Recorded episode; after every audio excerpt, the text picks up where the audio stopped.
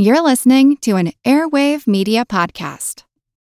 It is Ryan here, and I have a question for you. What do you do when you win? Like, are you a fist pumper? A woohooer, a hand clapper, a high fiver. I kind of like the high five, but if you want to hone in on those winning moves, check out Chumba Casino. At ChumbaCasino.com, choose from hundreds of social casino style games for your chance to redeem serious cash prizes. There are new game releases weekly, plus free daily bonuses. So don't wait. Start having the most fun ever at ChumbaCasino.com. No purchase necessary. VGW Group. Void were prohibited by law. See terms and conditions. 18 plus.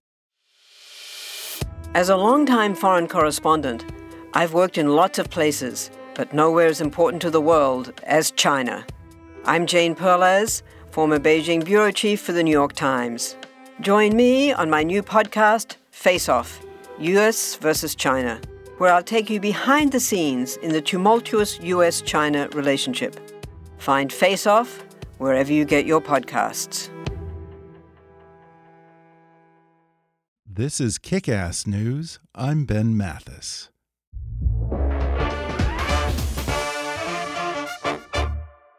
No one compliments you when their paycheck's correct, but make one mistake and you risk alienating your entire workforce. Kronos makes sure your payroll is done right the first time, from punch to paycheck. With embedded checklists and simplified workflows, Kronos is your single source of truth.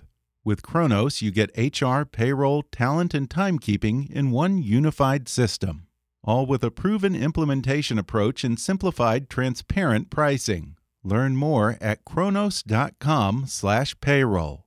Kronos, workforce innovation that works. And now, enjoy the show. Hi, I'm Ben Mathis. Welcome to Kick Ass News. One day, Lori was a therapist helping patients in her Los Angeles practice. The next day, a crisis caused her world to come crashing down. Enter Wendell, the quirky but seasoned therapist in whose office she suddenly landed. With his balding head, cardigan, and khakis, he seemed to have come straight out of Therapist Central Casting. Yet he turned out to be anything but. I know, it all sounds like the plot of a TV sitcom, so it's probably not surprising that Eva Longoria is developing that story as a series for ABC. But it's actually based on the real life experience of therapist Lori Gottlieb, which she writes about in her new book titled Maybe You Should Talk to Someone A Therapist, Her Therapist, and Our Lives Revealed. And today, Lori Gottlieb comes on the podcast to talk about what it was like to switch roles and be the patient on the couch, the event that led her to seek help, the underlying issues that came to surface, and the unusual methods employed by her own psychotherapist. She discusses some of her favorite patients, anonymously, of course, including the insufferable Hollywood producer who she initially described as a grade A asshole, the newlywed diagnosed with terminal cancer, and the one patient who she says was like looking in a mirror. Lori offers some ideas for how to address the larger mental health crisis in America and begin to destigmatize mental health problems, and she weighs in on the ongoing debate among those in her profession over the Goldwater rule and diagnosing politicians from afar. Plus, Lori reveals whether she's ever dozed off on a patient, why her own therapist once kicked her in session, and what her colleagues think about her pulling back the curtain on psychotherapy. Coming up with Lori Gottlieb in just a moment.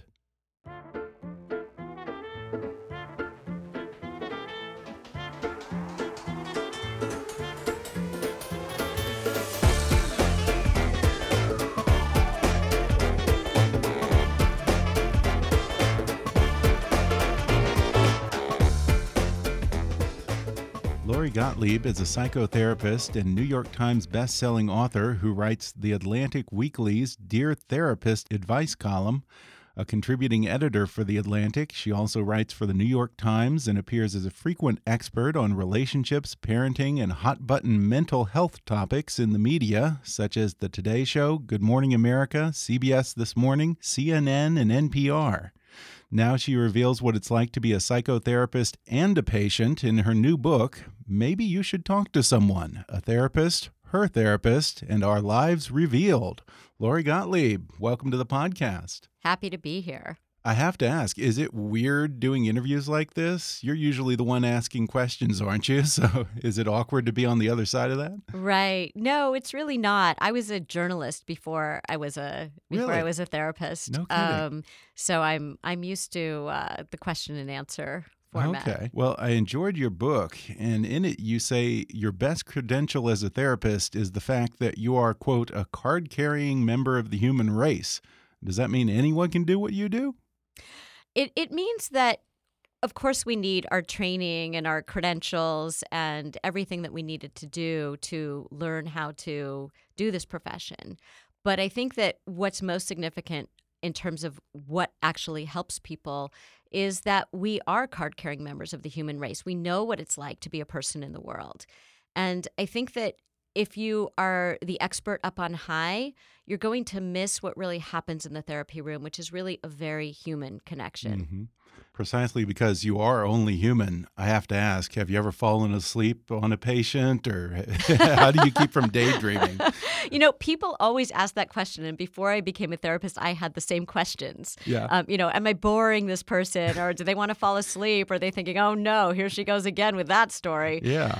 Um, but I think that when you're in the room with somebody, you're really you're not only listening to the story that they're telling you, but so much else is going on. You're you're watching their body language. Right. You're Okay. listening for all kinds of things that they might not be saying. You're kind of looking for, you know, the the music under the under the lyrics. hmm Do you ever have any patients who are just insufferable, or or anyone maybe that you've said no to, said I I can't treat you, or I I don't want to treat you because it takes too much of a toll on me.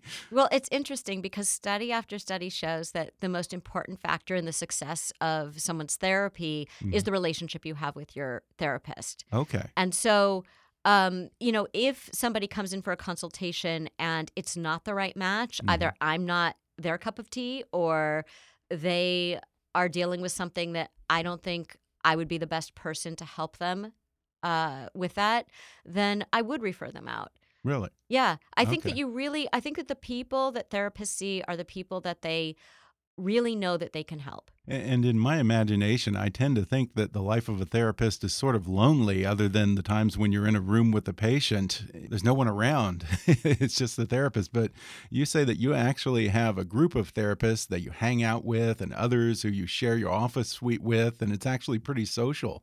What goes on? Do you guys exchange notes on your cases? Do you gossip? What happens in there? So you're talking about two things. One is Okay. that I work in a suite of therapists and we very much have to have our own lives. Mhm. Um, you you need that break. You'll burn out if you don't. And so, you know, we see each other in the kitchen in our suite between patients. We um, we don't talk about our patients so much. We we talk about Oh, really? our own lives. Okay. Um, but sometimes we'll do a quick consult between sessions.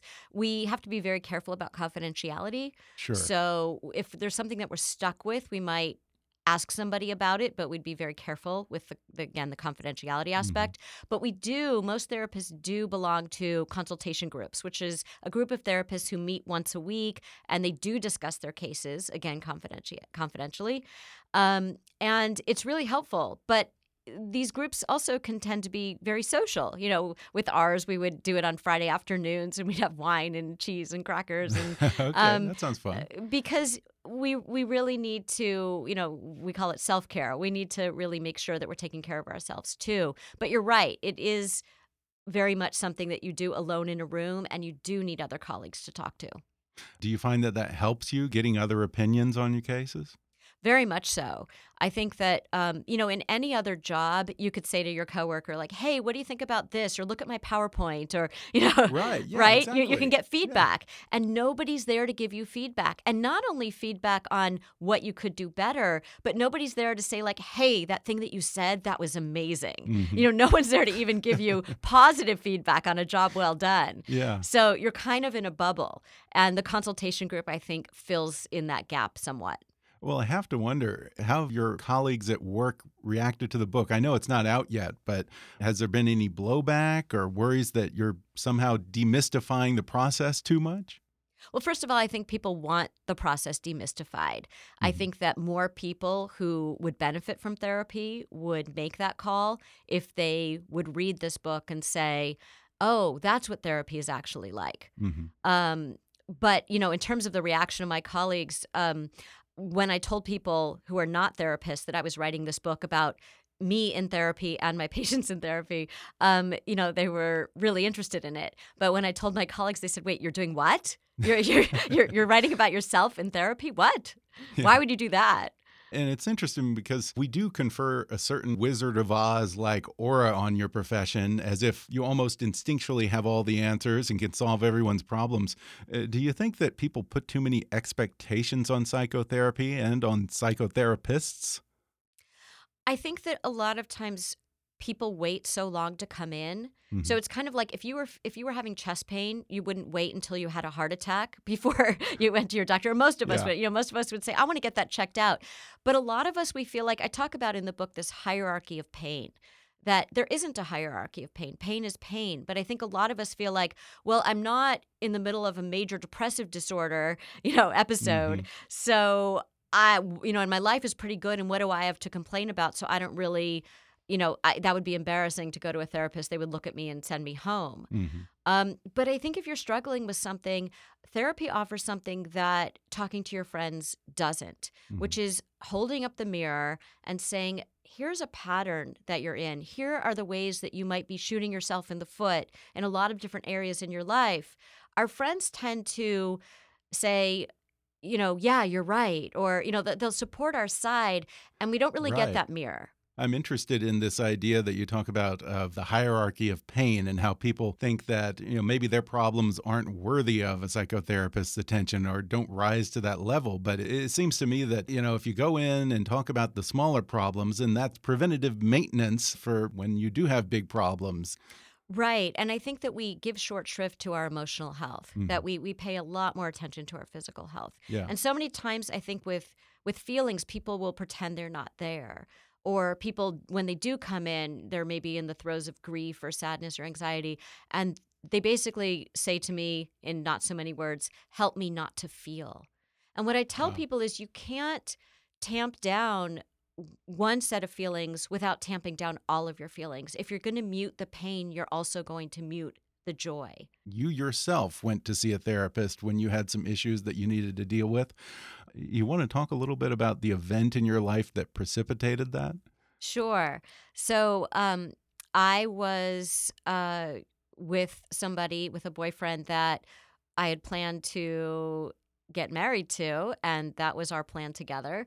And um, one night he tells me that he has decided that he can't live with a kid under his roof for the next 10 years, that kid being my eight year old. And Wow. this came as a complete shock to me. And what I originally wanted out of therapy was well, first of all, my friend who was a therapist, I didn't even consider going to therapy. And my friend said, you know, you need to go someplace where you're not being a therapist. Maybe you should talk to someone. And so I did. Um, but I, what I wanted out of this therapist was I wanted him to confirm that my boyfriend was a sociopath. and I, I'm being, I'm being, you know, I'm exaggerating, but not. Yeah. Um, meaning I wanted him to take So- my side was the way my friends him, did. Right. Yeah. And and like a good therapist, he wasn't buying my story Mm-hmm. at all, which was yes, this was a shock, but were there clues along the way? Um, were there things that I was avoiding that I didn't want to see because we both were avoiding things because we really did want to be together, but we also had these lifestyle issues between us um, that were there, you know, that that we just weren't talking about. Did you have any particular criteria for what you were looking for in a therapist? when you're in crisis, I think that it's a different process. I think when Mhm. you're not in crisis and you're looking for a therapist, you might do more research. Um, at that point, I knew that I needed to go talk to somebody. And um, because I was concerned about how people might react if I asked my, I was surrounded by therapists. And Right. so you have to realize that you can't see someone with whom you consult. You can't Sure. see someone that you refer to or if they refer to you. Um, you don't want to see anybody that you know just socially. And so it was hard. I was surrounded by therapists. It was like water, water everywhere, but not a drop to drink. um, and so I, I ended up getting a referral through a friend who was a, a therapist, but I didn't tell her it was for me because I was concerned that um, people might hesitate about you know whether they would refer to me or Mhm. you know and it was really it was really interesting because as therapists we really do everything we can to try to help people not feel stigma around seeking help and yet i felt stigma around seeking help And you referred to a therapist named Wendell. Uh, you say that he's straight out of central casting for that job. What is he like? He was. He was like straight out of Therapist Central casting. He was, you know, the khakis and the cardigan and the the sort of stooped posture and the balding Yeah. head and whatever whatever sort of stereotype we might Yeah. have. I think you just described me today. I'm wearing khakis and a sweater. You have more hair. Slightly, maybe. Yeah. Was it difficult to sit down with him and give up that power of being the therapist and just sit there and be the patient? Oh, absolutely. There were there are so many times when you feel like you want to do backseat driving. Oh, kind yeah? of like, you know, oh, hmm, that's interesting that he said that. I would have done that differently. Um, but you have to relinquish Mhm. that control and you have to just be a person in that room. And um, it was really enlightening because I did with him all of the things that my patients do with me, meaning Really? I Like wanted what? him to like me. Yeah. Um, if I saw someone in the waiting room as I was leaving, I'd wonder, you know, oh, does he look forward to her sessions more than mine? you know, all of those things. Um, you know, what is he thinking about me, or is he bored? Yeah, I think at some point you took issue with his policy of charging you for cancellations when you were sick, which is a policy that you yourself have with patients, right? Right, the forty-eight hour cancellation policy. Right, I have the same cancellation policy. Yeah, you talk about uh, going in and going out and kind of thinking about the other patients that are either going in or before or after you and whether they're more interesting, what their problems are. I, I once had a comedian who loves his psychotherapist, but apparently a, a bunch of other comedians see the same psychotherapist. And so he always goes in and wonders if the other guy's funnier and how he measures up, believe it or not. Right. The other the other question he might have is are they telling the same version of a story that he was involved in but from a very different perspective Yeah, that makes yeah. them look good and him look bad? Yeah. Or or are they stealing each other's stories the way they steal jokes? I don't know. you never know. So, how did your style differ from Wendell's? Wendell has a totally different approach, right? So at, at the time that this book takes place, I was a much newer therapist and he was a much more experienced therapist. Okay. And um, one thing that in our training, I think we somehow think we need to do is we feel like we need to be kind of the blank slate, the tabula rasa in the room. Hmm. And Wendell just brought himself into the room. I don't mean that he didn't have boundaries and I don't mean that he wasn't that he was talking about his personal life because he certainly didn't. But he was so wholly himself in terms of he would sing, he would, you know, to make a point. He would, would he he would call me on my on my BS. He would, you know, he was just he was just completely it was like very a very human encounter. Uh-huh. And he really helped me to uh, you know, sometimes I would leave his office and I would go into my office and I would do or say something very similar to what he had done, but kind of make it my own. Yeah. Um, because he really taught me how to be myself in the room.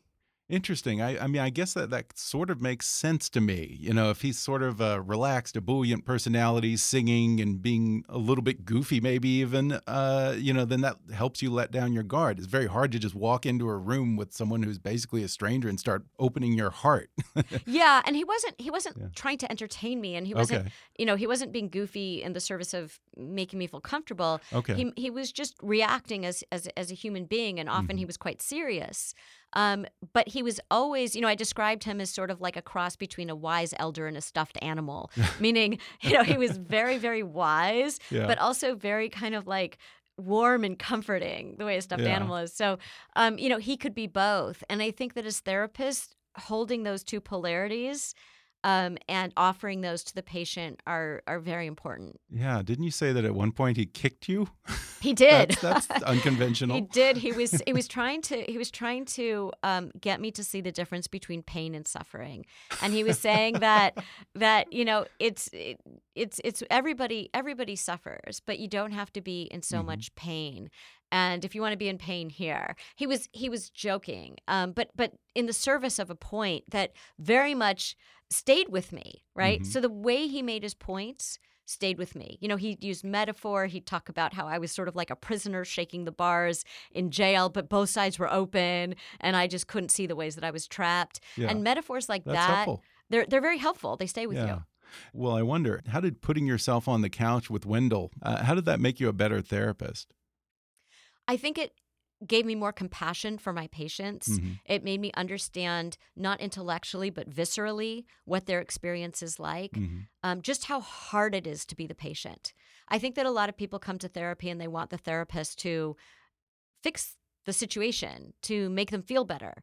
And I think that what people come to realize in therapy is that as the patient, you have to do a lot of the work, that we're there to guide you, but you have to do the work itself. Mhm. And I think it gave me a lot of a lot more understanding of what that's like and just how hard it is to change and why we're so resistant to change even though we're there and we're saying I really want things to change that sometimes we're our own worst enemy and all the different ways that we self-sabotage and all the ways that the therapist can see it so clearly but sometimes you as the patient can't. I think that you say that seeing a therapist is actually twice as hard as being a therapist, right?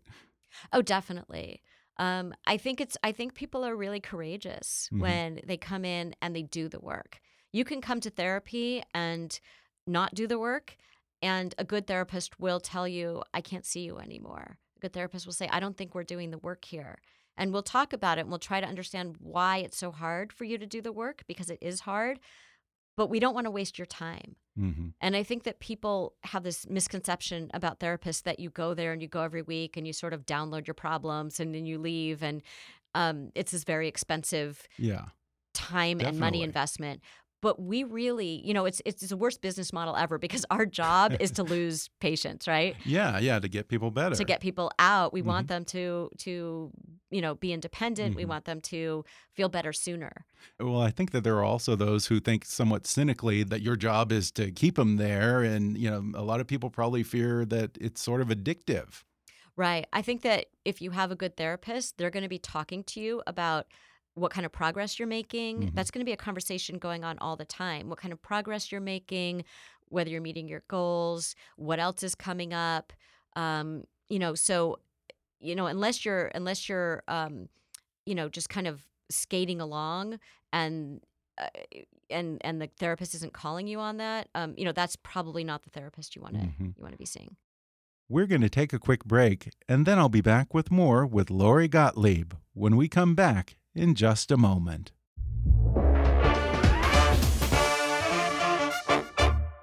If there's something interfering with your happiness or preventing you from achieving your goals, BetterHelp Online Counseling can help. BetterHelp offers licensed professional counselors who are specialized in issues such as depression, anxiety, relationships, trauma, anger, family conflicts, LGBT matters, grief, self esteem, and more. Connect with your professional counselor in a safe and private online environment and get help at your own time and at your own pace. Anything you share is confidential. And it's so convenient, you can schedule secure video or phone sessions as well as chat and text with your therapist. If for some reason you're not happy with your counselor, though, you can request a new one at any time for no additional charge. Best of all, it's a truly affordable option. Kick-Ass News listeners even get 10% off your first month with the discount code KICK. So why not get started today? Go to betterhelp.com/kick. Then simply fill out a questionnaire to help them assess your needs and get matched with a counselor you'll love. That's betterhelp.com/kick. And now, back to the show. I think somewhere in here you talk about several of your own patients, including one who actually talks about having had that fear, how she had a problem with alcoholism and was afraid of getting addicted to therapy. I don't think it's unusual that there are people who think it can become an addiction or a crutch of sorts. Do you ever see that? Do you ever have to cut someone off at a certain point? I think the goal of therapy is to get people to learn more about how they relate with the therapist so that they mm-hmm. can transfer those relationships out into the real world. Yeah. And so if people feel like we're the only person that they can trust, that they can be open with, that they can be vulnerable with, um, we really need to work with them to see how they can find that out in the world because we don't want to be that one person one person of of real human contact for them. Well, I want to talk about some of these other patients that you profile in the book. Um, what were you looking to show with the particular patients that you selected? So all of the patients that I selected are very different from each other, Right. and that's intentional. You have this sort of um, narcissistic Hollywood producer um, who is very entitled and very insulting to me. Um, you have uh, this woman in her 20s who keeps hooking up with the wrong guys, including ultimately somebody in the waiting room, and um, and she just can't seem to understand why she keeps not finding the kind of guys that she wants to find. You have this woman in her 30s who is a newlywed and who is recently diagnosed with Yeah. cancer, and she's going through this process of fighting for her life and and ultimately asking me to be with her until she dies. Um, and you have this person who's about to turn 70 and who has messed up her life in so many ways, messed up her adult children, messed up her marriages, and feels like so much has happened that she doesn't know if she can change it. And she says if things don't get better by her 70th birthday, that she wants to end it. I want to talk a little bit about each of them. John, the producer, you describe him as a grade A asshole when you first meet him. I can't imagine that a therapist throws around that term lightly when describing their patients. What made him so unbearable? And were there times when it was sort of hard to be his therapist? Yeah, there were many times. And I think what a supervisor once said to me early in my training that there's something likable about everyone and it's your job to find it. and I thought, oh, there's not something likable about everyone. There's got to be people where you just can't find it. But it's true, there really is. And I think you can't get to know somebody deeply without finding something likable in them. And with John, I think that he's going to be the person that the readers just want to hug, that they just are going to love him in the way that I came to love him. But in the beginning, he's unbearable. Um, he is. He tells me that I, I'm just like his. I'll be like his mistress because he doesn't want his wife Right. to know that he's Yeah. in therapy. So he gives me this wad of cash, and he's like, "I'll just come here and unload my problems every week and leave." Ha! Just like my hooker. You know? Lovely. Yeah. Um, you know, he's he's incredibly um, entitled. Um, he he basically, you know, says that the reason that he came to me was because he wanted to go to a nobody. Um, you know, people that that none of his his TV colleagues Right. would would know Yeah, about. no Um, celebrity shrinks. no celebrity shrink, so I, he'll just come to a nobody like me. Um, you know, he was just I, and I don't know how much he re- how it, whether he realized he was being insulting, but I do know that he did use those behaviors as a way to keep people out to protect himself. And there's a there's a big tragedy in his life, which I won't spoil, but once we come to know what why he is the way he is and what happened in his life, um, I think you can't help but understand why he needed so much protection, why he felt like, you know, he felt like everybody in the world were idiots and he was the only person who who um, you know, knew how to navigate his way through life and that really he was the one who was suffering. Uh, Yeah, and it's sort of surprising that he didn't want his wife to know that he was in therapy and would go through all these hoops of this clandestine relationship with his therapist. I would imagine that the wife would probably be thrilled that he was going into therapy the way you describe him. Do- Do, patients like John fear the stigma or that maybe seeing a therapist is tantamount to validating all the wife's gripes about him or something like that? Exactly. I mm-hmm. think I think there's a partly there was his own view of therapy, which I think he had a lot of shame about mm-hmm. needing to come to talk to somebody.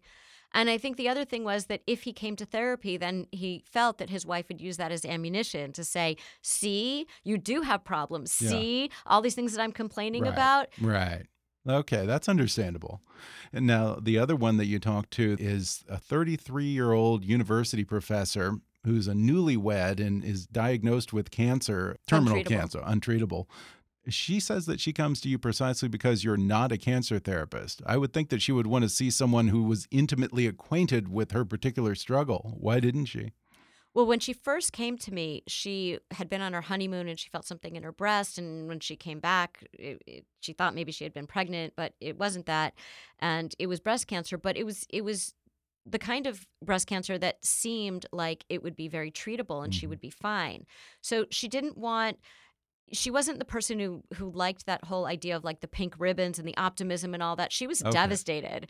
And she wanted to just talk to somebody who wasn't, you know, she said like they have affirmations on their walls. I can't do this. Um, Yeah. and she just really wanted to get through um, being a newlywed and having to deal with this this treatment that you know it wasn't a terminal situation at that point it was you have this thing it's very treatable the treatment's going to be really hard to get through it's going to be very uncomfortable but you're going to get through it. Mm-hmm. and then and so then that happened. She she actually did get better. And then 6 months later on a scan they found a different cancer that was very aggressive. And she came to me and said i need you to i need you to see me and i need you to stay with me until i die. Wow. and there were all these it was a roller coaster. There were all these sort of you know maybe she'll live maybe she won't. This you know the the miracle um, experimental treatment seemed to be working. Um, and it was a really profound experience to go through um, to accompany her basically on on this path to to death especially at such a young age Now, people in your profession are always told that they have to maintain a certain amount of detachment. Uh, in that particular case, did you worry that maybe you were caring too much or getting too close to your patient? I worried, first of all, that I didn't have the experience in oncology to in oncological therapy to know if I what if I did something wrong? What if I didn't do it well? You know, she'd only get one chance at this, and I didn't want to mess it up for her. Um, but I think what she really responded to was that I was very much like my own therapist, very much myself in the room with her. So, you know, when I I I started crying, you know, not bawling, but I was I teared up sometimes when, you know, certainly when I found out that that nothing else was going to work.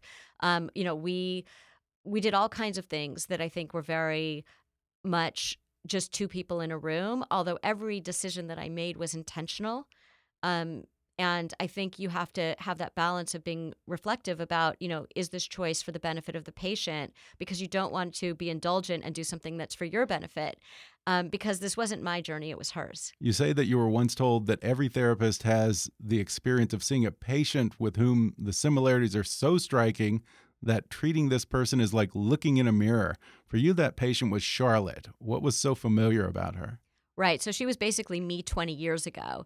Okay. And it was it was the way that she um that she felt so confused about why her relationships weren't working. Mhm. And I think a lot of people in their 20s go through that. But I think there was something that particularly struck me about her family background, even though our family backgrounds were different. There was something about um, the way that her family background impacted the choices that she would make. Mhm. And I felt that on the one hand, that made me a good person for her to see. But on the other, I had to be very careful that I was seeing her as a separate person from me. in your conversations with Wendell, your own therapist, you came to realize that there were similar things, uh, you know, family issues that you had kind of ignored or weren't aware of that played into the rest of your life. Right. So I think when people come to therapy, we, they come with what we call a presenting problem, which is, you know, there was a breakup, or I can't sleep, or I'm depressed, or I'm anxious, or my wife died, or, you know, whatever it is, or I lost my job. Um, and sometimes that is what the therapy is about, just that one thing. But sometimes that is just the thing that got them into therapy. And really, there's something that's been brewing beneath the surface that if they can see what that is, then they'll have much more lasting change than if they just deal with that one problem almost like a band aid. And the fourth patient that you profile in the book is one that you referenced earlier. She's, I think, 70 years old, uh, thought that she had made a mess of her life and it hurt people, was contemplating suicide, thought that she was completely hopeless. I think a lot of us have this idea that a person of a certain age, everything is just baked in with them. You're, you're set in your ways. Real change just ain't going to happen once you reach a certain mark. Does Rita give lie to that assumption, or is it actually harder for older people to change than, say, a 20 something?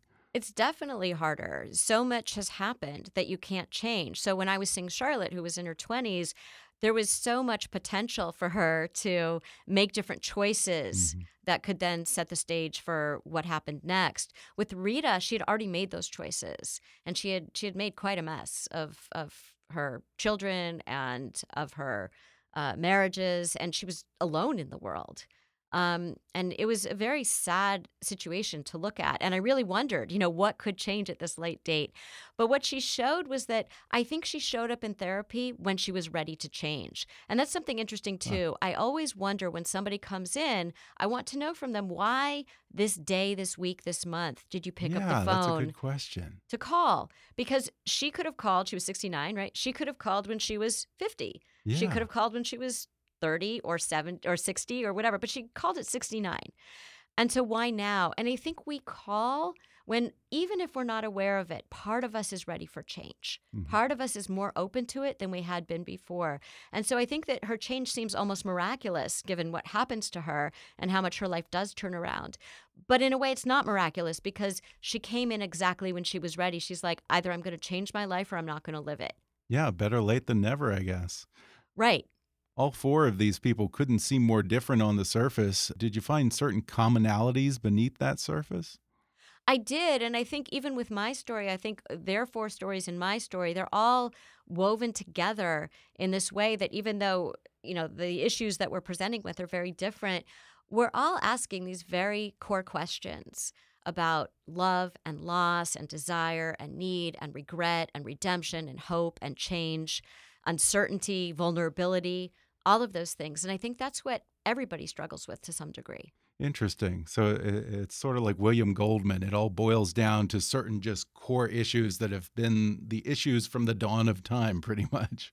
Right. I don't think that the issues change the way they the way they look might change, the presentation of them might change, but I think at our core really it's about how do we love and how can we be loved. hmm Now, there's been a lot of talk about the mental health crisis in America, and it ties into so many other different things happening right now, whether it's the mass shootings or the tone of politics, the opioid epidemic, et cetera. Do you get a sense of this larger mental health catastrophe from your daily work as a therapist? And do you have any solutions? I do. I think that no matter what people come in with, there's a sense of underlying loneliness, even if they're surrounded by people. And I think part of that has to do with the ways that we take care of our emotional health have to do with connection. And I think we're so disconnected as a society right now because we think we're connected with our devices. When a supervisor says to me in the book, she says, um, you know, I tell the story about how she said the speed of light is outdated. Now everybody moves at the speed of want. Yeah. And I think what happens is when you move at the speed of want, you're not really connecting with other people. So we turn to distractions, whether that distraction is opioids, whether that distraction is drinking too much, whether that distraction is eating too much or not eating enough, whether that distraction is the internet, which a colleague called um, the most effective non prescription painkiller out there. Right. So I Yeah. think we turn to these distractions to fill in the emptiness that sometimes we feel because we don't have that face to face distraction free connection that we used to. And I think the therapy room is actually one of the few places now where you sit face to face with another person, you hear them breathe, and there are no screens and nothing's disrupting it. Yeah, that's a really good point. And it's so weird because, you know, the buzzword these days is connected technologies. The technology is all becoming increasingly more connected as humans are becoming less connected. You also write the weekly Dear Therapist column for The Atlantic. That must be, I imagine, doubly difficult because you're working with an email, not an hour of therapy. Uh, you can't ask follow up questions. You can't look a patient in the eye and pay attention to the little micro expressions and visual cues that maybe even reveal more than the words themselves.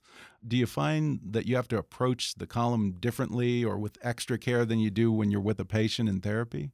It's a very different experience because you you don't know who this person is. And even when people come into therapy i'm not just listening to the story they're telling but i'm listening to their flexibility with the story. And with a letter there's no flexibility. You're just hearing it through their lens. I Mhm. can't i can't get them to see it from the other person's perspective that they might be writing about and so what I try to do with the column is not just offer advice like don't talk to your mother-in-law, you know, or whatever they whatever they want to hear. but but it's really about I want you to understand your mother-in-law's perspective. I want to I want to broaden the story for you. So I'm not it's it's a, it's a really unique advice column because I'm telling them what a therapist might be thinking if they were to hear this problem in the therapy room and I'm giving them the benefit of that perspective so that then they have a better chance of making a good choice about how to handle it. Okay. And that sort of leads me to think about this current debate over the Goldwater rule. For anyone who doesn't know, it's this code of ethics within your profession by which therapists aren't supposed to diagnose political candidates or really anyone who they haven't actually treated or at least met. Nowadays, some therapists are pointing to President Trump and how supposedly he wears his emotional issues on his sleeve and saying that you don't have to get him in session to know that something's going on there and we need to talk about it. Where do you fall on that issue? I think that it's one thing to see traits of a personality disorder Mhm. or you know any kind of mood disorder in somebody but i think you can't really know somebody unless you really take the time to get to know them Mhm. so i don't feel comfortable commenting on people that i've never met and um, i understand why people do um, but it's you know i'm very much about either uh, dealing with people face to face in the therapy room or answering letters of people knowing that we have these limitations when it's Yeah. just a letter And it's interesting because I think uh, maybe a year or so ago, when this was a hot topic, someone along the way said, Well, the president has the presidential physician. The president should have a psychotherapist. Not just Donald Trump, but any president, I would think, with that amount of pressure on you and being, you know, kept in a glass prison, surely it couldn't hurt. right even tony soprano had a therapist right yeah, exactly. So, I mean, I think I think that the the concern is heightened when you're when you're the president because we're all concerned about talking about things that are very private with this individual who's your therapist, and I think that when you're the president, you know that that's heightened in so many ways. Yeah. And speaking of Tony Soprano, I have to ask, what do movies and TV shows like The Sopranos, like Lorraine Bracco as the therapist, or like Frasier get wrong about what you do? I think there are two tropes about therapists in the media or in in, in fictional depictions. Mhm. Um, you know, one is sort of like the brick wall, the the person who just says uh-huh and you know they're not really listening or or they're very Right, removed right. and kind of cold Yeah. and i think the other is the therapist who's the hot mess you know the one who's like the neurotic hot mess Yeah. outside of the therapy room but they're very competent in the therapy room and neither of which is true for most Yeah. therapists i think most therapists and that's what i'm trying to show in the book is that most therapists are just like anybody else in the world Mhm. right um, so I think that sometimes for dramatic effect, movies and TV will um, play up, you know, certain aspects of a of a character, but they're characters. yeah. They're not they're not real therapists. Yeah. And it sounds like you might get a chance to dispel some of those tropes yourself because I understand that maybe you should talk to someone is actually in development for a television series at ABC. Is this a scripted series or a reality show? What It's can a you tell it's a scripted series Okay. um, with Eva Longoria's company, Oh wow. and um, it's it's really an adaptation of of the book. Um, but it, it, what we hope it does is it, ta- it will take people like the book does into the therapy setting, um, so that they can see people like them. hmm So I think it's you know one of the shows that I love on TV right now is This Is Us. Um, Yeah. and it because it it really takes people into the lives of these characters and they deal with very real things and i hope that the tv version of maybe you should talk to someone does the same thing Well, before we go, you know, I could pick your brain for an hour or more. And if you can, without revealing any names or anything, what's the strangest thing you've ever seen in your job?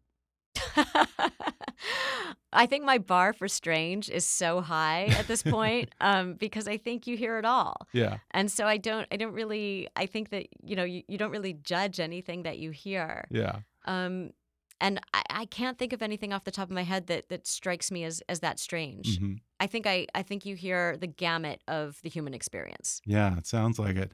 Well, again, the book is called Maybe You Should Talk to Someone, a Therapist, Her Therapist, and Our Lives Revealed. Lori Gottlieb, thanks so much for talking with me. Thanks so much. It's been a pleasure.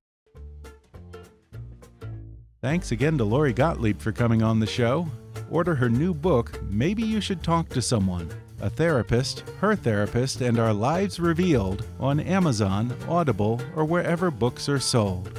Visit her website at lorigottlieb.com and follow her on Twitter at, at lorigottlieb1.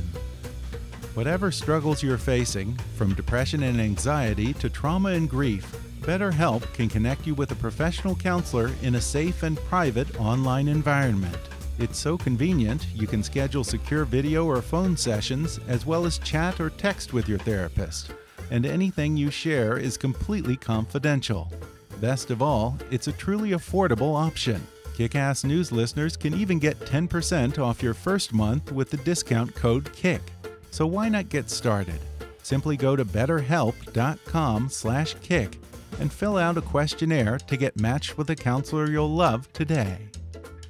Be sure to subscribe to Kickass News on Apple Podcasts if you haven't already, and if you like what you're hearing, then rate and review us while you're there. Five star reviews are the easiest way for new listeners to find us. Don't forget to like us on Facebook and follow us on Twitter at, at KickassNewsPod. And feel free to email me with your thoughts, questions, and suggestions at comments at kickassnews.com. Until next time, I'm Ben Mathis, and thanks for listening to Kickass News.